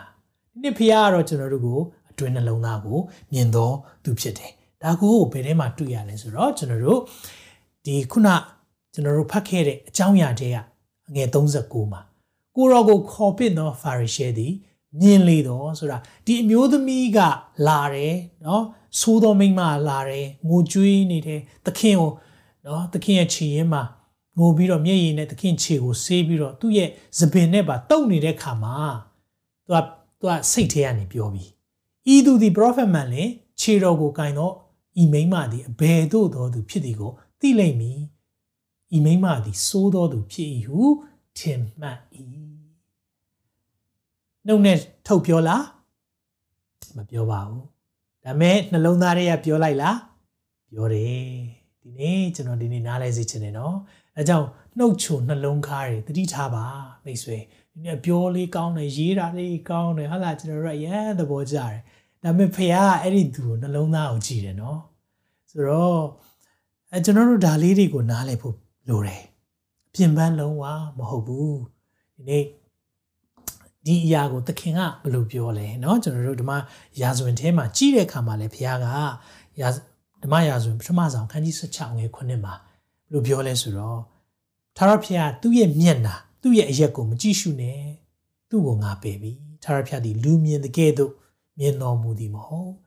ရှောလူနဲ့ဒါဝိကိုနိုင်ရှင်တာဒါဝိကြတော့ပူပူလေးเนาะငယ်တယ်เนาะတွေ့ကြုံနေတယ်ရှောလူကြတော့ဒေါင်ကောင်းတယ်သူတပားထက်ခေါင်းတစ်လုံးတာတယ်ရုပ်ချောတယ်နော်စသဖြင့်အဲ့လိုဖြစ်တဲ့အခါမှာဖះကတော့မဟုတ်ဘူးတဲ့လူသည်အစင်းတရံကိုကြည့်ရှုတတ်၏သာရဖះကနှလုံးကိုမြင်တယ်နော်ဒါဝိရဲ့အကိုကြီးဆုံးလဲဒါဒါဝိရဲ့အကိုကြီးဆုံးလဲအဲ့တိုင်းပဲနော်ရုပ်ချောတယ်စင်မထန်တယ်အတွေ့အကြုံရှိတယ် ဒါပေမဲ့ဒီတယောက်ပယ်ပြီဟာနှလုံးကိုကြည့်ရှုဆိုတော့ဖះလူတော်မှားသွားတယ်ပြည်တရံကကြည်လိုက်တဲ့အခါမှာဟာဒီတယောက်ဖြစ်မယ်ထင်တယ်ဆိုတော့ရှောလူမင်းကြီးကိုထီနန်ချီးမြှောက်တဲ့နေ့ပေါ့နော်သူရဲ့ correlation name မှာဘာဖြစ်လဲသူကလူရှိမှတော့မတ်တမရရဲ့ပဲနဲ့ပစ္စည်းတွေဘာတွေเนาะဒီ အသုံးဆောင်တွေကြားထဲမှာပုံနေတယ်ဆိုတော့လူအနေနဲ့ကြည်ဟာနှိမ်ချလိုက်တာသူ့ကိုဘယင်ချီးမြောက်တာတော့မှနှိမ်နှိမ်ချက်ချလေးနေတယ်မဟုတ်ဘူးအဲ့ဒါနှိမ်ချတာမဟုတ်အဲ့ဒါနှိမ်ချတာဟောဒါကြောင့်မလို့ကျွန်တော်နားလည်ဖို့လိုတယ်နှိမ်ချတာ ਨੇ နှိမ်ချတာမတူဘူးဖခင်ကဘာကြည့်လဲနှလုံးသားကိုကြည့်တယ်လူတွေကဘာကြည့်လဲအပြင်သဏ္ဍာန်ကိုကြည့်တယ်အဲကြောင့်မလို့ဒီနေ့နှိမ်ချခြင်းဆိုတာနားလည်ပါနှလုံးသားနဲ့ဆိုင်တဲ့အရာ then စကားအများကြီးမပြောတဲ့သူဖြစ်ကောင်းဖြစ်လိမ့်မယ်ဒါပေမဲ့သင်နှလုံးသားတွေကပြောတဲ့အတန်ဖះကြားတယ်သင်လည်းသိတယ်အဲကြောင့်ဒီနေ့ဆင်ခြင်အောင်အာမင်အဲကြောင့်ကျွန်တော်တို့စိတ်နှလုံးနှိမ်ချတဲ့သူဘာတူလဲဆိုတာသိဖို့ဟန်စိတ်လုံးနှိမ်ချတယ်ဆိုတာဒါကြောင့်မလို့ဆရာကြီးယူတဲ့တန်ဘာသာပြန်ထားတာသိကောင်းတယ်စိတ်နှလုံးနှိမ်ချတော်သူတဲ့ဆိုတော့သူကအပြစ်မှန်းနှိမ်ချတော်သူလို့မပြောဘူးနှိမ်ချတော်သူလို့ပဲမပြောဘူးစိတ်နှလုံးနှိမ်ချတော်သူအင်္ဂလိပ်လိုကတော့ poor in spirit အဲ့ဒီ poor ဆိုတဲ့စကား humble ပေါ့နော်နှိမ်ချတော့ in spirit ဆိုတာတကယ်အတွင်းနှလုံးသားဝိညာဉ်ထဲမှာနှိမ်ချတဲ့သူကိုပြောတာအကြောင်းကျွန်တော်တို့ပထမဆုံးနားလည်ဖို့ဒီနှိမ်ချခြင်းဆိုတာနှလုံးသားနဲ့ဆိုင်တဲ့အရာဖြစ်တယ်နောက်တစ်ချက်သွားကြည့်အောင်နှိမ်ချခြင်းနဲ့နှိမ်ကြခြင်းနဲ့နှိမ်ချခြင်းမတူဘူးဒါဆိုတော့ကျွန်တော်တို့ကနှိမ်ကြတာနဲ့နှိမ်ချတာမတူဘူးဆိုတာလည်းအရင်ဆုံးနားလည်ဖို့လိုတယ်တခါလေမှာကျွန်တော်တို့ကဟို ဘာမှမရှိခြင်းဘာမှမတက်ခြင်းကိုနှိမ်ချတယ်လို့ထင်တတ်တယ်အဲ့မှာတခါကျွန်တော်ကပေါ့နော်မိတ်ဆွေတယောက်ကျွန်တော်စကားပြောတဲ့အရာလေးပေါ့နော်ကျွန်တော်မိတ်ဆွေတယောက်နဲ့စကားပြောတော့သူလည်းအမှုတော်ဆောင်တယောက်ပါပဲဆိုတော့သူကတော့ music ပိုင်းမှာပို့ပြီးတော့အာသွားတာပေါ့နော်ဆိုတော့သူအဲ့လိုအလုပ်လုပ်နေနေသူပြောပြတယ်ဆရာကျွန်တော်ကျွန်တော်တရောင်းစားရက်ွက်ကိုရောက်ဘူးတယ်ဆိုတော့သူအဲ့လိုပြောတဲ့အခါမှာဟုတ်လားဆိုတော့ တော့တရားစားတွေလို့ကျွန်တော်ပြောတဲ့အခါမှာသူတို့လူတွေစီမှာသူတို့ကတောင်းရန်စားတောက်တဲ့သူတွေပေါ့နော်အဲ့လိုရှိတယ်ခက်ခဲတယ်ပေါ့နော်ဒါပေမဲ့တဲ့သူပြောပြတယ်ကျွန်တော်အံ့ဩတာတခုပါတဲ့အဲ့တရားစားရက်ွက်ရောက်တဲ့အချိန်မှာဒီလူတွေဟာအင်မတန်မှမောက်မာတဲ့သူတွေဖြစ်တယ်ဆိုတာကိုကျွန်တော်သင်ရတယ်တဲ့ဆိုတော့တရားစားတိုင်းဖြစ်ချင်မှဖြစ်ပါလိမ့်မယ်နော်သူအဲ့လိုကြုံတွေ့တဲ့အကြောင်းအရာလေးကိုကျွန်တော်ပြောပြတဲ့အခါမှာဘာကြောင့်လဲလို့ပြောတော့ဟာသူတို့စီသွားတဲ့အခါမှာ ဘာလဲရောင်းစားဆိုပြီးတော့နှိမ်ကျင်တာလားစသဖြင့်ပေါ့ဆဲဆူနေပြီးတော့သူ့ကိုရံမှုခြင်းတဲ့အရာတွေတောင်တွေ့ရတယ်တဲ့သူကလို့ပြောတာဆိုတော့တခါလေမှာအဲ့ဒါကနှိမ်ကြတာနှိမ်ကြတဲ့ဘဝဖြစ်နေတာဒါပေမဲ့အဲ့နှိမ်ကြခြင်းကနှိမ်ချခြင်းနဲ့မဆိုင်ဘူးဆိုတာကိုသိအောင်နားလဲစေချင်တယ်အကြောင်းကျွန်တော်တို့နှိမ်ကြတဲ့သူလောကကြီးမှာရှိတယ်เนาะတခါလေမှာကျွန်တော်ဘာမှဟိုเนาะဒီအရာလေးကိုကွဲပြားဖို့လိုတယ် ဆိုတော့တခါလေးမှာကျွန်တော်တို့ကအမ်ကျွန်တော်လည်းအမှုတော်ဆောင်ဖြစ်လာတဲ့ခါမှာလူအများကြီးနဲ့ဆက်ဆံတဲ့ခါမှာလည်းလူမျိုးမျိုးပေါ့နော်စိတ်ထွေထွေကြုံတွေ့ရတယ်ဆိုတော့တခါကျွန်တော်ကို Facebook မှာဆက်သွယ်လာတယ်ပေါ့နော်ဆက်သွယ်လာတော့အဲ့နဲ့ကျွန်တော် normally ဆိုရင်တော့ကျွန်တော်စီဆက်သွယ်လာတယ်ဆိုစာအရင်ရေးကြတာများတယ်ကျွန်တော်အဲ့ဒါမျိုးပို့ပြီးနှစ်သက်တယ်တချို့ကြတော့ဖုန်းချက်ချင်းခေါ်တယ်သူ့ကိုလည်းကျွန်တော်မခင်ဘူးသိလည်းမသိဘူးဒါပေမဲ့ဖုန်းခေါ်လာပြီးတော့သူကအဲ့နဲ့ ကျွန်တော်လည်းမသိတဲ့တယောက်ဖြစ်နေတော့ဒါပေမဲ့သူ့နာမည်လေးကကျွန်တော်သိတဲ့တယောက်နဲ့သွားတူနေတော့အော်ဒီတယောက်များဖြစ်နေမလားဆိုကျွန်တော်အဲဖုန်းကင်လိုက်ကင်လိုက်တော့ဆာဒေးဗစ်ကင်မလားတဲ့အော်ဟုတ်ပါတယ်လို့ကျွန်တော်ဘာကူညီရမလဲဆိုသူကကျွန်တော်သူပြောဟုတ်ကဲ့အဲကျွန်တော်အလုပ်များနေလို့ပါလို့ဂျေစုပြုအဲဖုန်းခေါ်တဲ့အကြောင်းလေးကိုဟိုပြောပြပေးပါဆိုသူကကျွန်တော်ကိုတငယ်ချင်းလိုမျိုးစကားပြောချင်တာမိသားရလုပ်ချင်တာ ဒါပေမဲ့ကျွန်တော်အဲ့ဒီအချိန်မှာကျွန်တော်ကအရန်အလုပ်များနေတဲ့အချိန်ဖြစ်တဲ့ခါမှာကျွန်တော်ကလူတူရှင်းလင်းပြောပြပါလို့ဂျေစုပြုပြီးတော့အာဆီယံနှုတ်ပတ်တော်တွေနားထောင်တာရန်ခွန်အားရတယ်စသဖြင့်သူပြောလာโอเคဟုတ်ကဲ့ဂျေစုတင်ပါတယ်ဗောနော်အဲဒီမှာသူကဟောဆီယံကရန်ကုန်မှာနေတာလားတဲ့အဲမှာကျွန်တော်အဲဟုတ်တော့မဟုတ်တော့ဘူးလို့ကျွန်တော်အမှ MWTV ကိုသေချာကြည့်တဲ့သူတွေသိပါတယ်လို့ကျွန်တော်တို့ Australia နိုင်ငံကနေထုတ်လွှင့်နေတာကျွန်တော် Australia မှာနေတာပါလို့ ရန်ကုန်မှာနေတာမဟုတ်လားဆရာတဲ့မဟုတ်ဘူးခင်ဗျာကျွန်တော်နှုတ်ပတ်တော်တွေကြည့်တယ်ဆိုရင်သိမှာပါလို့ကျွန်တော်ပြောတဲ့အခါမှာသူအဲ့မှာရှူရှူရှက်ရှက်ဖြစ်သွားပြီးတော့ဆရာရန်ကုန်သွားတယ်မဟုတ်လားအော်သွားပါတယ်ကျွန်တော်တို့အင်္ဂလိပ်ခီးတွေရှိရင်သွားပါတယ်စသဖြင့်ပေါ့အဲ့နဲ့သူပြောရင်ပြောရင်နဲ့သူကဟာခင်ဗျားတို့ကလည်းတော်တော်လေးကိုဟိုလူတွေကိုအချိန်မပေးခြင်းတဲ့သူတွေပဲစသဖြင့်ပြောလာတော့မဟုတ်ဘူးကျွန်တော်ခုနပြောတယ်ကျွန်တော်အလုပ်များတဲ့အချိန်ဖြစ်နေတဲ့အတွက်ကြောင့်မလို့ဂျေစုပြည့်ပြောပြပါဒါမှမဟုတ်ကျွန်တော်ကို ဘာအကြောင်းအရာနဲ့ဆက်သွယ်တယ်ဆိုတာပြောပြဖို့လိုပါတယ်လို့ကျွန်တော်လို့ပြောတာတော့မချင်တတ်တော့ခမရတော်တော်လေးနှိမ်ချဖို့လိုတဲ့လူပဲတဲ့ကျွန်တော်ဆုံးမသွားတယ်ဆိုတော့ဒါလည်းအဲကျွန်တော်လက်ခံပါတယ်စိတ်နှိမ်ချခြင်းဆိုတာတော့အများအားလိုအပ်တဲ့အရာဖြစ်တာပေါ့နော်ဒါပေမဲ့သူပြောတဲ့ပုံစံကျွန်တော်ကခမရကိုအလှငွေတွေဘာတွေပေးမလားလို့စဉ်းစားနေတာအခုတော့မပေးတော့ဘူးဆိုတော့တော့ဆိုတော့ အမှုရဆောင်တွေကိုလူငွေပေးတာပဲကျွန်တော်တို့ဟိုဒါဖះကို honor လုပ်တယ်ဆိုတာကိုနားလည်ဖို့လိုတာပေါ့နော်ဒါမဲ့အဲ့လိုမျိုးတွေတွေ့တဲ့အခါမှာအင်မတန်မှဒါမျိုးတွေတွေ့တဲ့အခါမှာဒါမျိုးတွေကနှိမ်ချတာမဟုတ်ပဲနှိမ်ချတာပေါ့နော်အဲကျွန်တော်တို့အမေရိကမှာနေတာပါတဲ့စသဖြင့်ပြောလာတယ်ဆိုတော့ဒါမျိုးပေါ့နော်ဆိုတော့နှိမ်ချသူနဲ့နှိမ်ချသူဘာကွာတယ်လဲနှုတ်ပတ်တော်နဲ့ကျွန်တော်တို့တစ်ချက်လောက်ကြည့်ရအောင်နော်အဲ့ဒီမှာကွာတဲ့အရာလေးတွေကျွန်တော်တွေ့ရတယ်ဆိုတော့အဲ့မှာ ဖာရီရှဲရှိမုံကသခင်ရဲ့ခြေတော်ရင်းမှာရှိတဲ့အမျိုးသမီးကိုသူကစိတ်ထဲကနေပြောနေပြီဒီမိမဆိုးတဲ့မိမ prophet man ရဲ့ကိုရောကလည်းသိရမယ်เนาะအဲ့လိုမြင်တယ်ဒီတယောက်ကအပြစ်ရှိတဲ့သူပဲမဟုတ်ဘူးလားเนาะဒါကြောင့်သခင်ကဒီရဲ့ဥပမာကိုသူကပြောလိုက်ရတာဘယ်လိုပြောရတာလဲဆိုတော့เนาะအကျွေးရှိတဲ့နေရာရှိတယ်လို့သူပြောတာဘာလို့ဆိုလို့လဲဆိုတော့ဖာရိရှဲရှိမုံမင်းလဲငါပေါ်မှာ ဖះပေါ်မှာအကျွေးတင်တယ်အပြစ်ကျွေးရှိနေတယ်ဒီမျိုးသမီးလဲအပြစ်ကျွေးရှိနေတယ်ဒါပေမဲ့ကျွန်တော်ပြောပြမယ်နှိမ်ကြတဲ့သူကလေသူများအပြစ်ပဲမြင်တယ်ကိုယ့်အပြစ်ကိုမမြင်ဘူးဒါပေမဲ့နှိမ်ချတဲ့သူဟာသူဘလို့လူလဲသူ့မှာဘာလိုအပ်ချက်ရှိတယ်လဲဆိုတာမြင်တယ်အာမင်ပြန်ပြောမယ်နော်နှိမ်ကြတဲ့သူကနော်တနည်းအားဖြင့်စိတ်နေမြင်တဲ့သူမာနကြီးတဲ့သူကကိုယ့်အဖြစ်ကိုမမြင်ဘူး ကိုယ်မှာလိုအပ်ချက်ရှိကြောင်းမမြင်ဘူးရှိမုံဆိုရင်လည်း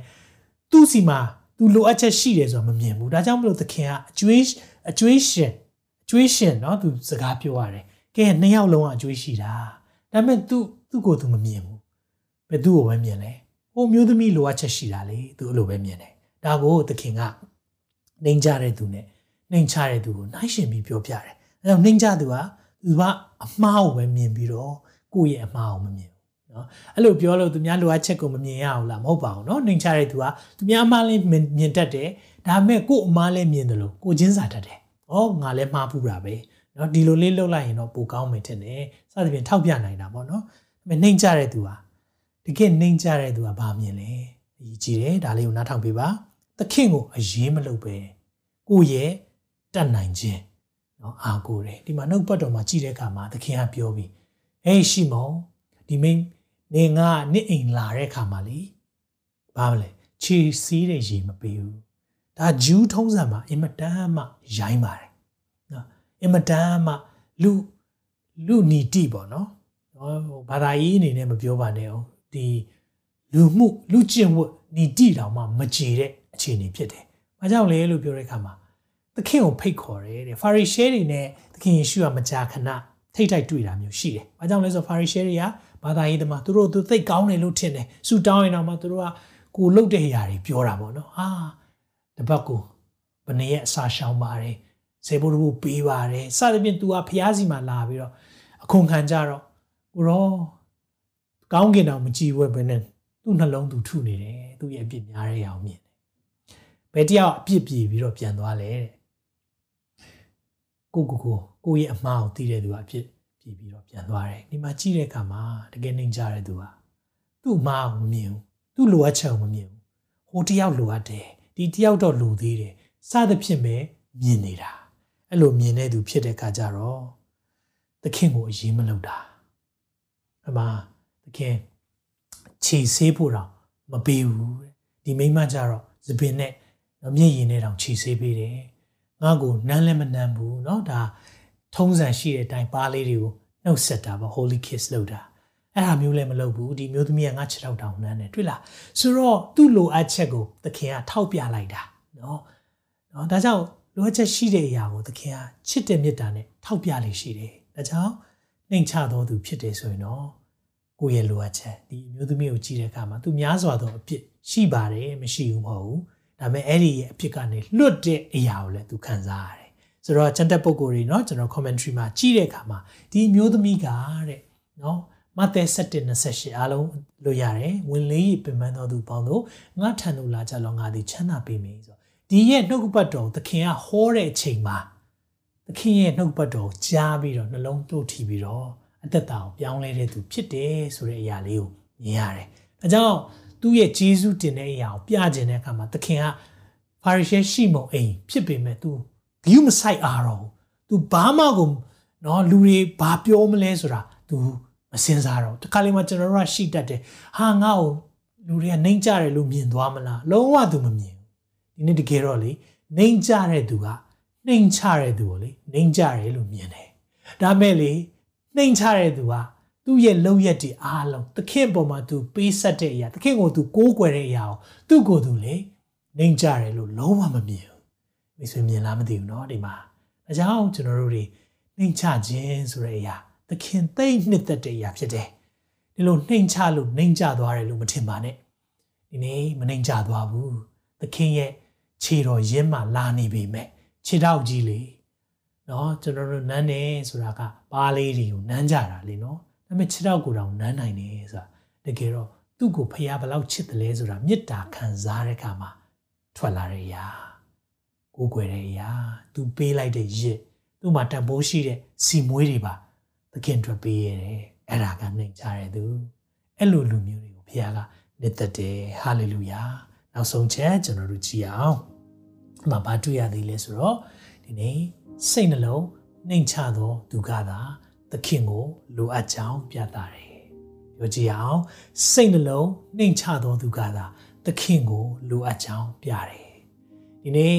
စိတ်နေမြင့်တဲ့သူကသခင်ကိုမလိုဘူး။နော်ပါရီရှဲဖြစ်ပြီးတော့အိမ်ခေါ်ရဲဆိုတော့ကျွန်တော်သိကြတာနော်ဒါကတော့အတိအကျကျမ်းစာထဲမှာမပြောပေမဲ့သခင်ယေရှုဘာမှားမလဲလို့စောင့်နေတဲ့သဘောမျိုးဖြစ်ပါလိမ့်မယ်။နော်သခင်ကိုအိမ်ခေါ်ပြီးတော့သူဘာအကွက်များရွှေ့မှားမလဲနော်မကြာခဏဖာရီရှဲတွေကထောက်လေးရှိတာပေါ့နော်လိုအပ်ချက်တွေကိုသူတို့ကလောနဲ့ကြိုက်ရလားသူတို့ကလောပြည့်ညက်ကိုကျွမ်းကျင်တဲ့သူတွေဖြစ်တဲ့အခါမှာနော် ဒီပြည့်ညက်နဲ့သခင်ကကြိုက်ရလားဒီယေရှုဆိုတဲ့ပုံကကြိုက်ရလားဆိုတော့သူတို့ကဒါမျိုးပဲချောင်းနေတဲ့အရာဖြစ်တဲ့အတွက်ဒီရဲ့သဘောပဲဖြစ်ပါလိမ့်မယ်အင်ကိုခေါ်တယ်နော်ဆိုတော့သူ့မှာတခြားလိုအပ်ချက်ရှိလို့လဲခေါ်တာလဲဖြစ်နိုင်တယ်ဒါပေမဲ့သိကြတာတခုကတော့စိတ်လုံးနှိမ်ချတဲ့သူကတော့သခင်ကိုလိုအပ်ကြောင်းပြတယ်ဟာလေလုယာဒီနေ့ကျွန်တော်တို့သခင်စီလာတဲ့ရွယ်ချက်ချင်းမတူကြအောင်သခင်စီမှာလာတဲ့အကြောင်းအရာမတူကြအောင်သခင်ကိုဖိတ်ခေါ်တဲ့ရည်ရွယ်ချက်လည်းတူချင်မှတူလိမ့်မယ် ဒါပေမဲ့ဒီမျိုးသမီးကတော့သူကဘာကြောင့်သခင်စီလာလဲသူသိတယ်အပြစ်များတဲ့သူပြောတာမဟုတ်ဘူးများတဲ့အပြစ်ကနေလွတ်မြောက်တော်သူဖြစ်တယ်ဟာလေလုယာဒီနေ့အပြစ်များတဲ့သူပဲဖြစ်နေပါစေတင်သခင်ရဲ့ခွင့်လွှတ်ခြင်းကိုမခံစားသေးပြီမသိသေးပြီသင်ကသခင်ကိုယေရှုတင်နေတဲ့သူဖြစ်မှာမဟုတ်ဘူးဒါကြောင့်မလို့နှိမ်ချတဲ့သူဘလို့အသက်ရှင်လဲတောင်းပန်တတ်တယ် တကယ်နှိမ်ချတဲ့သူကတောင်းပန်တတ်တယ်မှားပါတယ်ဆိုတဲ့အရာပြောရဲတယ် sorry ပြောဖို့ sorry ပါအဖွဲမဟုတ်ဘူးတောင်းပန်ရဲတယ်ကျွန်တော်တို့မှားသွားပါတယ်လိုအပ်ချက်အများကြီးရှိပါတယ်စသဖြင့်ဒီလိုမျိုးတောင်းပန်တယ်ဒီနေ့ကျွန်တော်တို့ဒီအရာလေးနားလည်ဖို့ဖြစ်တယ်နော်ဒီနေ့တကယ်နှိမ်ချတဲ့သူဟာသူမှားတဲ့အကြောင်းကိုလည်းဝန်ခံရဲတယ်အာမင်ဒီမျိုးသမီးကသူ့ကိုဖျားခွင့်လွတ်တယ်ဆိုတာသူသိတယ်ဒါကြောင့်သူကဖျားရှိမှလာရဲတယ် ပါရီရှဲတွေเนาะပြည့်ညက်တရားတွေနဲ့ချုပ်ကင်တဲ့သူတွေတကယ်လူကုန်တန်နေကြားထဲမှာမရှက်မကြောက်လာရဲတာဘာကြောင့်လဲဘုရားမြတ်တာတည်သွားလို့။ရောင်မိတ်ဆွေကိုခွန်အားပေးခြင်းတဲ့ဒီနေ့မှာသင်ဟာအပြစ်များတဲ့သူလို့ကိုယ့်ကိုယ်မြင်လာ။သခင်ခွင့်လွတ်နိုင်တယ်။သခင်ခွင့်လွတ်နိုင်တယ်။ဒါပေမဲ့ဒီအဲ့များစွာသောအပြစ်ကိုအပြစ်တွေကနေလွတ်မြောက်တဲ့သူဖြစ်လာပြီဆိုရင်တော့သခင်ကိုချစ်လိမ့်မယ်။ဟာလေလုယာ။ဒါကြောင့်ငါမှာဘာမှမရှိပါလားဆိုပြီးတော့သိတဲ့သူ အဲ့ဒါကစိတ်နှိမ်ချတဲ့သူစိတ်နှိမ်ချတဲ့သူကကိုဘာမှမတတ်သေးဘူးဆိုတာကိုအမြဲတမ်းဝန်ခံတယ်ဒီနေ့ပညာတွေအများကြီးသင်လာတဲ့သူငါအရန်သိနေပါပြီမဟုတ်ဘူးเนาะကျွန်တော်တို့ဒီဒီ Australia Open မှာတွေ့တယ်เนาะကစားသမားတယောက်က तू အရန်တော်တယ်ဆိုတဲ့အကြောင်းပဲပြောတယ်ခါမှလည်း तू က Grand Slam နေမရဘူးပါဘူးဒါပေမဲ့ तू အရန်တော်တယ် तू အားလုံးကိုနိုင်တယ်ဒီလိုမျိုးပြောတယ်တကယ်တမ်းတော်တဲ့လူကြတော့အာ तू ဒီနေ့တော့အကောင်းဆုံး तू စူးစမ်းခဲ့တယ် တစ်ဖက်သားလည်းတိတ်တော်တယ်ဒါပေမဲ့ဒီနေ့အတွေ့အကြုံကเนาะအများကြီးသူ့ကိုအကူအညီပေးသွားတယ်စသဖြင့်ပြောလို့ရှိတယ်เนาะဒီနေ့ကိုကိုဟာဘယ်လိုမျိုးလူဖြစ်နေလဲငါမှဘာမှမရှိပါလားဆိုတာသိတာဒီဖာရီရှဲရှိမုံကတော့သူဟာလောသမားဖြစ်တဲ့အခါမှာသူ့ကိုယ်သူဟုတ်လာပြီလို့ထင်တဲ့အခါမှာသခင်လာတော့သူခြေဆေးခြေဆေးတဲ့ရေမပေးဘူးမပေးနိုင်။ဘာကြောင့်လဲသူသူ့ရဲ့မာနအောင်သူပြနေတယ်။ဒီနေ့ ကိုရောမပိုင်တော့ကျွန်တော်သူ့ဘာကိုချစ်နိုင်မှာမဟုတ်ဘူးမိတ်ဆွေ။ဒီပြစ္ဆာမဖြစ်တယ်များသောအဖြစ်ရှိသောသူဖြစ်တယ်ဒါမဲ့အဲ့ဒီများသောအဖြစ်ကနေလွတ်ခြင်းကိုနားလည်တဲ့သူခင်စီမှာတိုးဝင်နေအာမင်အကြောင်းဒီရဲ့နှုတ်ပတ်တော်လေးနဲ့အဆုံးသတ်ခြင်းနဲ့ယာကုပ်ဩဝါဒစာခန်းကြီးလေးငယ်6မှာမပြောတယ်ထိုဝိညာဉ်တော်သည်တာ၍များစွာသောဂျေဇုကိုပြုတော်မူ၏ထို့သောတဲ့အညီကျမ်းစာလာသည်က ထောင်လွှားစော်ကားသောသူတို့ကိုဖျားသခင်စီးတားတော်မူ၏မာနကြီးတယ်လို့ဖျားတားတယ်စိတ်နှိမ်ချသောသူတို့အားဂျေဇုပြုတော်မူ၏ဟာလေလုယာထောင်လွှားစော်ကားတဲ့သူဖျားတားတယ်မအောင်မြင်ဘူးဒီနေ့စိတ်နှိမ်ချတဲ့သူတို့ကဖျားက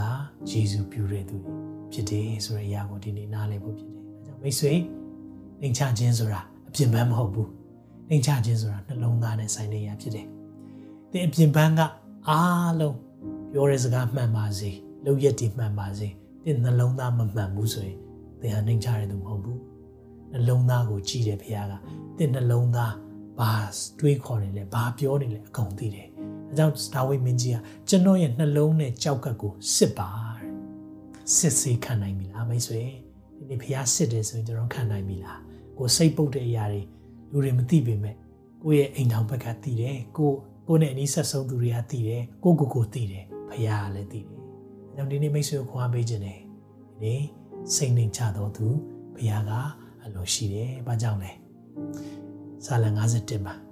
အပြစ်များကြီးလုံးမိတဲ့ဒါဝိမင်းကြီးဘေဒရှေဘာနဲ့ပြစ်မှားမိတယ်။သူများသူများအောင်သွားပြစ်မှားမိတယ်လို့အဲ့ဒီမျိုးသမီးရဲ့ခင်မွန်းတဲ့ကိုလည်းသေချောင်းကြံလိုက်တယ်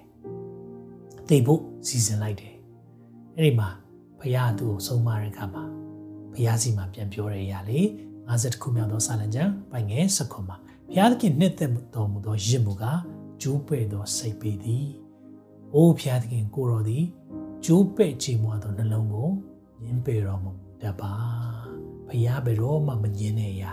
ကျိုးပဲ့တဲ့နှလုံးသားကျွန်တော်တို့နှိမ်ချခြင်းဆိုတဲ့အရာသင်လို့ရတယ်။နှိမ်ချဖို့ရန်အတွက်လည်းဖျားကရံဖန်ရံကကျွန်တော်တို့ကိုလေအတွေ့အကြုံတစ်ခုခုအ ဖြစ်ပြက်တစ်ခုခုနဲ့ကျွန်တော်တို့ဘဝကိုချိုးဖဲ့ပေးတတ်တယ်။ဒါကကောင်းတဲ့အရာ။ဒမဟုတ်ဘူးဆိုရင်ကျွန်တော်တို့ကလမ်းမားတော့မှာကံလေးမှာလမ်းမားတဲ့ဘက်ကိုသွားနေတဲ့အခါမှာဖះရှေ့မှာတားစီတစ်ခုနဲ့ပိတ်ပေးလိုက်တဲ့အခါမှာကျွန်တော်တို့ကခလုတ်တိုက်သွားတယ်ဒါပေမဲ့အဲ့ဒီခလုတ်တိုက်တဲ့အချိန်ကြာမှပဲတီးလိုက်တာ။အော်ငါတော်တော်လေးကိုမှားနေပါလား။ဒီမိတ်ဆွေစိတ်နှလုံးနှိမ်ချရဲဆိုတဲ့အရာမွေးရပါမဟုတ်ဘူး။သင်လို့ရတယ်။ပြင်လို့ရတယ်။ ဒါကြောင့်ဒီနေ့ခွန်အားပေးခြင်းတယ်။ထိုနည်း၎င်းပဲစိတ်နေမြင့်တာတို့မာနကြီးတဲ့အရာတွေဟာလေသင်ဒီအရာတွေကိုလည်းပြင်လို့ရတယ်။သင်လို့ရတယ်။ညောင်ဒီနေ့ကျိုးပဲ့တဲ့စိတ်ဆိုတာဘုရားကကျွန်တော်တို့ထောင်လွှားလာတဲ့စိတ်ရှိရင်ဘုရားပြုပြင်ပေးတာ။ခါလေးမှာကျွန်တော်တို့ဘုရားပြုပြင်တဲ့အရာတွေရှက်ကွဲရတဲ့ဖြစ်ပျက်တွေဖြစ်လာတတ်တယ်။လူတွေရှေ့မှာတောင်မှခေါင်းမဖော်ရဲအောင်ဖြစ်ပျက်တဲ့ဖြစ်ပျက်တွေဖြစ်လာတတ်တယ်။အဲ့လိုဖြစ်ပျက်ဖြစ်လာရင်လူတွေကို မမုန်းပါနဲ့။ဒီနေ့ကိုယ့်ရဲ့လိုအပ်ချက်ရှိတဲ့အရာကိုဒီနေ့ကျွန်တော်တို့ခံယူဖို့ဖြစ်တယ်။ဂျိုးပဲ့တဲ့စိတ်နဲ့လာတဲ့သူဘုရားဘယ်တော့မှမငြင်းဘူး။အဲကြောင့်စိတ်နှလုံးနှိမ်ချတဲ့သူဘုရားလိုတော့ရှိတယ်။ဟာလေလုယာ။ခဏလောက်နှလုံးသားတွေကိုအနံ့ရအောင်ကိုယ့်ရဲ့နှလုံးပေါ်မှာလက်တင်ထားပါဒီနေ့ဆုတောင်းရအောင်စက္ကပ်ရအောင်2022ကိုဖြတ်သန်းတော့မယ်နှစ်သစ်ကိုကျော်လွန်တော့မယ်ကျွန်တော်အသက်တာမှာနှလုံးသားမှန်ပြီလား သခင်အသက်ရှင်စီလိုတဲ့အသက်တာတိုင်းသွားပြီလားနှလုံးဟာအသက်ရဲ့အချိန်ကြီးဖြစ်တယ်သင်ရဲ့နှလုံးကိုသူသဖြင့်စောင့်ရှောက်ပါဒီနှလုံးသားမှန်ဖို့ဘုရားလိုတော့ရှိတယ်အဲ့ဒီအရာကနေအသက်စီးထွက်တယ်။အဲကြောင့်ကျွန်တော်နှလုံးသားနှလုံးသားပြုပြင်ပေးပါအိုးဖာအသစ်သောစိတ်ဝိညာဉ်ကိုပေးပါတဲ့ဒါဝိမင်းကြီးတောင်းတယ်ဒီလူကမမားတတ်ဘူးမဟုတ်ဘူးနော်မားတတ်တယ်နှိမ်ကြတဲ့သူကလူတိုင်းမှားတတ်တာပဲဆိုတဲ့စကားကိုသုံးတယ် ဒါပေမဲ့နှိမ်ချတဲ့သူကလူတိုင်းမှားတတ်တယ်ဒါပေမဲ့ငါတောင်းပန်ရမယ်လို့သိတယ်ဖြစ်တယ်အာမင်အသင်ပဲအုပ်စုထဲမှာပါနေလေနှိမ်ချတဲ့သူလားနှိမ်ချတဲ့သူလားဒီသခင်လိုရှိတာကနှိမ်ချတော်သူနှလုံးကြေကွဲစွာနဲ့ဘုရားရှိခိုးပြန်လာပါသင်အပြစ်များရဲဆိုရင်လည်းပြန်လာပါဘုရားခွင့်မလွတ်နိုင်တဲ့အပြစ်တစ်ခုမှမရှိဘူးဒီနေ့သင်ဒီနှုတ်ပတ်တော်ကြားတယ်ကျွန်တော်အတန်ကိုကြားတယ်ဆိုရင်သက်တာကိုပြန်လဲအနံ့ဖို့ရန်အတွက်ဒီနေ့ စက္ကရအောင်သရှင်တော်ဘုရားကျွန်တော်နှလုံးသားကိုကိုရောကောင်းချီးပေးပါကျွန်တော်နှလုံးသားကစီးထွက်တဲ့အရာကတခါလေးမှာကိုရောရဲ့အလိုတော်နဲ့ဆန့်ကျင်တဲ့အရာကိုရောမနစ်သက်တဲ့အရာတွေဖြစ်နေတတ်ပါတယ်ကြောင့်ကိုရောနှလုံးသားကိုပြုပြင်ပေးပါဒီမှာ worship မိသားစုများရဲ့နှလုံးသားအသီးသီးမှာနှစ်သစ်ထဲမှာဖြတ်သန်းတော့မှာဖြစ်တယ်ကိုရောကိုရောမကြိုက်တဲ့အရာကိုထားခဲ့တော့မယ်ကိုရောနှစ်ဟောင်းမှာပဲထားခဲ့တော့မယ်ဒီနေ့ ကိုရောအပြစ်များပေမဲ့ကိုရောရဲ့ခွင့်လွှတ်ခြင်းကိုခံစားရတဲ့သိုးသောမိန်းမသိုးသောယောက်ျားတွေကျွန်တော်အားလုံးပါကိုရောဒီနေ့ကိုရောအပေါ်မှာပြန်ဆက်ဖို့ရန်ပတ်စံမတတ်နိုင်တဲ့အကျွေးတွေနဲ့ပြည့်နေတဲ့သူသားတွေဖြစ်ပါတယ်ကိုရောအဲကြောင့်ကိုရောရှေ့မှာဝင်ချတောင်းပန်ပါတယ်ကျွန်တော်တို့ရဲ့အပြစ်များအလုံးကိုကိုရောခွင့်လွှတ်ပေးပါကျွန်တော်နှလုံးသားနဲ့ကြောက်ကပ်ကိုစစ်ပါအချိန်တည်းမှာပဲကိုရောစိတ်နှလုံးနှိမ်ချတဲ့သူတွေအတွက်ဂတိစကားလည်းရှိပါတယ်ကောင်းကင်နိုင်ငံ ထိုသူတို့ရဲ့နိုင်ငံဖြစ်တယ်ဟာလေလုယာဒီနေ့ကိုရော kingdom of heaven ဟာကျွန်တော်တို့အတွက်ဖြစ်တယ်ဆိုတဲ့ဂတိအတွက်လည်းယေရှုတင်တယ်။နောက်ကိုရောကျွန်တော်တို့ကိုကယ်မပါ2020နှစ်တစ်ကိုဖြတ်သန်းတဲ့တစ်နှစ်တာလုံးမှာနှလုံးသားမှန်ကန်စွာနဲ့အသက်ရှင်သက်တော်သူများဖြစ်ဖို့ဝိညာဉ်တော်ဘုရားသွန်သင်ပေးပါမှားတဲ့အခါတိုင်းမှာလည်းတောင်းပန်တတ်တဲ့နှလုံးသားရှိစေပါနှိမ်ချတဲ့နှလုံးသားနဲ့ကိုရောကိုပြောမိတဲ့အရာကိုဆိုမိတဲ့အရာအားလုံးမှာ ဒီနေ့စင်ချေတက်တဲ့သူများမဟုတ်ဘဲနဲ့ရောမှားတယ်ဆိုရင်မှားတဲ့အကြောင်းဝန်ခံတတ်တဲ့နှလုံးသားများရောမွေးပေးပါ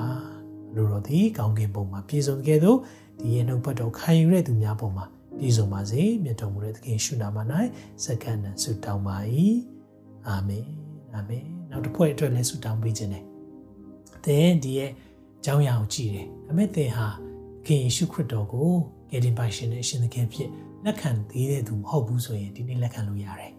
ငါနောက်နေ့မှလက်ခံမယ်မဟုတ်ဘူးသင်ကိုသခင်ယေရှုကဒီနေ့နှုတ်ကပတ်တော်နဲ့စကားပြောရဲဆိုသင်ခံစားရတယ်သူမြတ်တာကိုသင်ခံစားရတယ်သင်အပြစ်တွေအားလုံးကို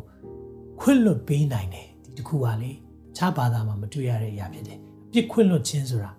ဒီနေ့သခင်ယေရှုစီမှာပဲရှိတယ်အကြောင်းဒီနေ့အပြစ်ခွင့်လွတ်ခြင်းခံခြင်းနဲ့အသက်တာကို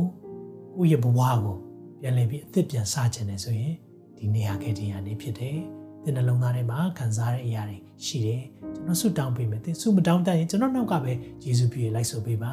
ခင်ယေရှုဖျားကျွန်ုပ်ဟာအပြစ်သားဖြစ်ပါတယ်ဒီနေ့မှာကိုရော့စီကနေခွင့်လွတ်ခြင်းကိုလည်းရယူနိုင်ကြောင်းကြားသိရပါတယ်။အပြစ်ခွင့်လွတ်ဖို့ရန်အတွက်ဝင်ချတောင်းပန်ပါတယ်။သခင်ယေရှုဖခင်ကျွန်ုပ်ဘဝကိုကိုရော့လက်ဝဲ၌ အနံပါတယ်။အလိုတော်အတိုင်းဖြစ်စေပါ။သခင်ယေရှုနာမ၌ဆုတောင်းပါ၏။အာမင်။အာမင်မိတ်ဆွေကြီးရဲ့ရိုးရှင်းလာတဲ့ဆုတောင်းချက်ဖြစ်ပေမဲ့သင်ရဲ့ဘဝတစ်ခုလုံးကိုအနံမယ်နှလုံးသားထဲကနေသင်တကယ်ပဲလိုက်ရှောက်မယ်ဆိုရင်တော့သင်ဟာကယ်တင်ခြင်းရတဲ့သူဖြစ်တယ်ကယ်တင်ခြင်း ရတဲ့နေ့ဖြစ်တယ်အာမင် welcome to the family အားလုံးကကြိုဆိုပါရစေအာမင်ဒါကြောင့်မလို့ရောက်စီတိုင်းလည်းဒီနေ့မှာဖျာရှင်ထူကောင်းကြီးပေးပါစေကျွန်တော်ကောင်းကြီးပေးခြင်းနဲ့ပဲဆုံးသက်ပါမယ်ထာဝရဘုရားသည်သင်ကိုကောင်းကြီးပေး၍ဆောင်တော်မတော်မူပါစေတော့ထာဝရဘုရားသည်သင်၌မျက်နာတော်အလင်းကိုလွှတ်၍ယူနာကျေးဇူးပြုတော်မူပါစေတော့ထာဝရဘုရားသည်သင်ကိုမျှော်ကြည့်၍ချမ်းသာပေးတော်မူပါစေတော့လူရဲ့ကြံစည်မိမိနဲ့ဖျာငြိမ်သက်ခြင်းဝမ်းမြောက်ခြင်းပျော်ရွှင်ခြင်းများငွေကြေးနဲ့ဝယ်လို့မရတဲ့စစ်မှန်တဲ့ပျော်ရွှင်ခြင်းများ သင်မိသားစုပေါ်မှာတက်ရောက်ပါစေသခင်ယေရှုနာမ၌ဆုတောင်းကောင်းချီးပေးပါရယ်နောက်သင်ခန်းစာမှာပြန်လည်ဆုံတွေ့ပါအောင်မယ်တင်ခုလိုနာဆင်ခွန်အားနိုင်ခြင်းဟာမြန်မာ Worship Ministry ကိုလာဆင်ပန်ပိုးနေကြတဲ့ Kingdom Partners များအကြောင်းဖြစ်ပါတယ်။ဖျားခင်နိုင်ငံတော်ကျယ်ပြန့်ရေးအတွက်လာဆင်ပေးကမ်းပောင်းဖို့ရန်ဖိတ်ခေါ်လိုပါတယ်ရှင်။